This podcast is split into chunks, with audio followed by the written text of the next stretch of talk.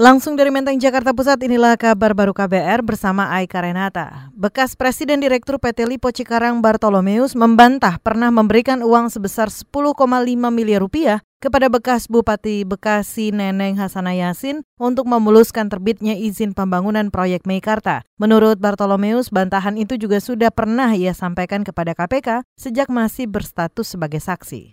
Ada pemberian apa 10,5 miliar gitu kan. Sebetulnya waktu saya masih jadi saksi juga uh, itu udah saya bantah dalam sidang gitu.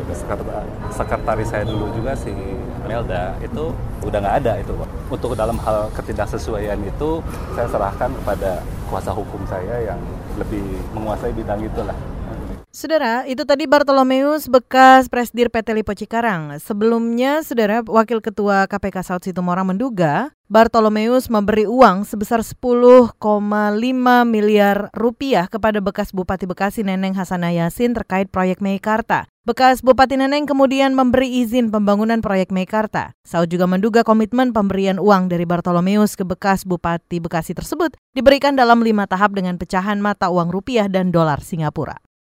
Kita beralih, kepolisian membantah melakukan perlindungan kepada korporasi penyebab kebakaran hutan dan lahan di Riau. Juru bicara Polri Dedi Prasetyo menyatakan justru saat ini kepolisian daerah Riau terus menyelidiki korporasi mana saja yang mengakibatkan karhutla. Dedi menjamin kepolisian bertindak tegas kepada individu dan korporasi penyebab karhutla. Enggak, yang sudah itu saya sampaikan bahwa Polri tetap bekerja sesuai dengan fakta hukum.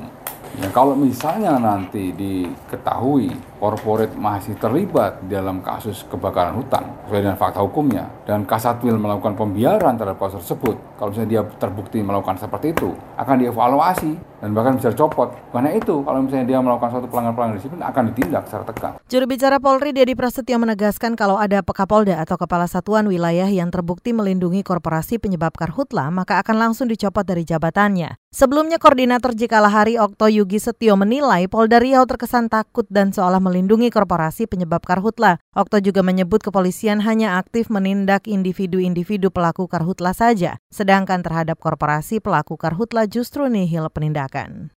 Kita ke soal lain, Direktur Utama Perusahaan Gas Negara PGN Gigi Prakoso menyatakan pembuatan pipa untuk menyalurkan gas ke rumah-rumah warga masih terkendala masalah geografis. Banyaknya pulau dan dalamnya laut Indonesia tidak memungkinkan penggunaan pipa gas di semua wilayah. Karena itu untuk mengembangkan penyaluran gas bumi tadi PGN akan membuat terminal gas termasuk di sejumlah wilayah timur Indonesia. Karena wilayah Indonesia terdiri dari pulau-pulau yang besar dan kecil dan lautnya juga sangat dalam untuk khususnya untuk di Indonesia Timur. Sehingga ini tantangan tersendiri bagi PGN untuk membangun pipa. Namun kita punya strategi ke depan untuk mengantisipasi geografis ini untuk Indonesia Barat khususnya Sumatera dan Jawa kita akan connect dengan pipa. Nah bagaimana Indonesia Timur kita nggak bisa pakai pipa. Tapi yang kita bangun adalah virtual pipeline. Selama 10 tahun terakhir, perusahaan gas negara mengklaim sudah membangun pipa gas sepanjang 500-an kilometer dari Sumatera hingga Jawa. Menurut Gigi Prakoso pada 2020 hingga 2021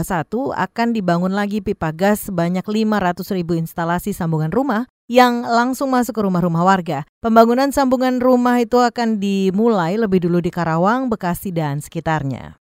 Kita ke satu informasi terakhir, Saudara Kementerian Pendayagunaan Aparatur Negara dan Reformasi Birokrasi tidak akan memberi sanksi kepada pemerintah Kabupaten Solok Selatan Sumatera Barat karena sudah menganulir kelulusan CPNS Dr. Gigi Romi Syofpa Ismail. Sebelumnya Pemkap Solok Selatan juga dinyatakan bersalah dalam menafsirkan syarat sehat jasmani dan rohani untuk seleksi CPNS formasi umum. Deputi Bidang SDM Aparatur Kemenpan RB Setiawan Wangsaat Maja menyatakan, sanksi tidak perlu diberikan karena inti persoalan sudah dianggap selesai. Yang penting persoalan ini sudah selesai kan. Jadi apa namanya? Ya sudah gitu, udah selesai mau apa lagi. Misalnya semua aturan kan sudah jelas bahwa kita kan sepanjang persyaratan jabatannya memungkinkan ya silahkan aja. Deputi Bidang SDM Aparatur Kemenpan RB Setiawan Wangsaat Maja juga enggan memenuhi permintaan untuk memperjelas syarat sehat jasmani dan rohani dalam seleksi CPNS formasi umum. Padahal sebelumnya Wakil Gubernur Sumatera Barat Nasrul Abid sudah meminta kepada pemerintah untuk merinci syarat sehat jasmani dan rohani dalam seleksi aturan CPNS. Demikian kabar baru dari kantor Berita Radio KBR, saya Aika Renata.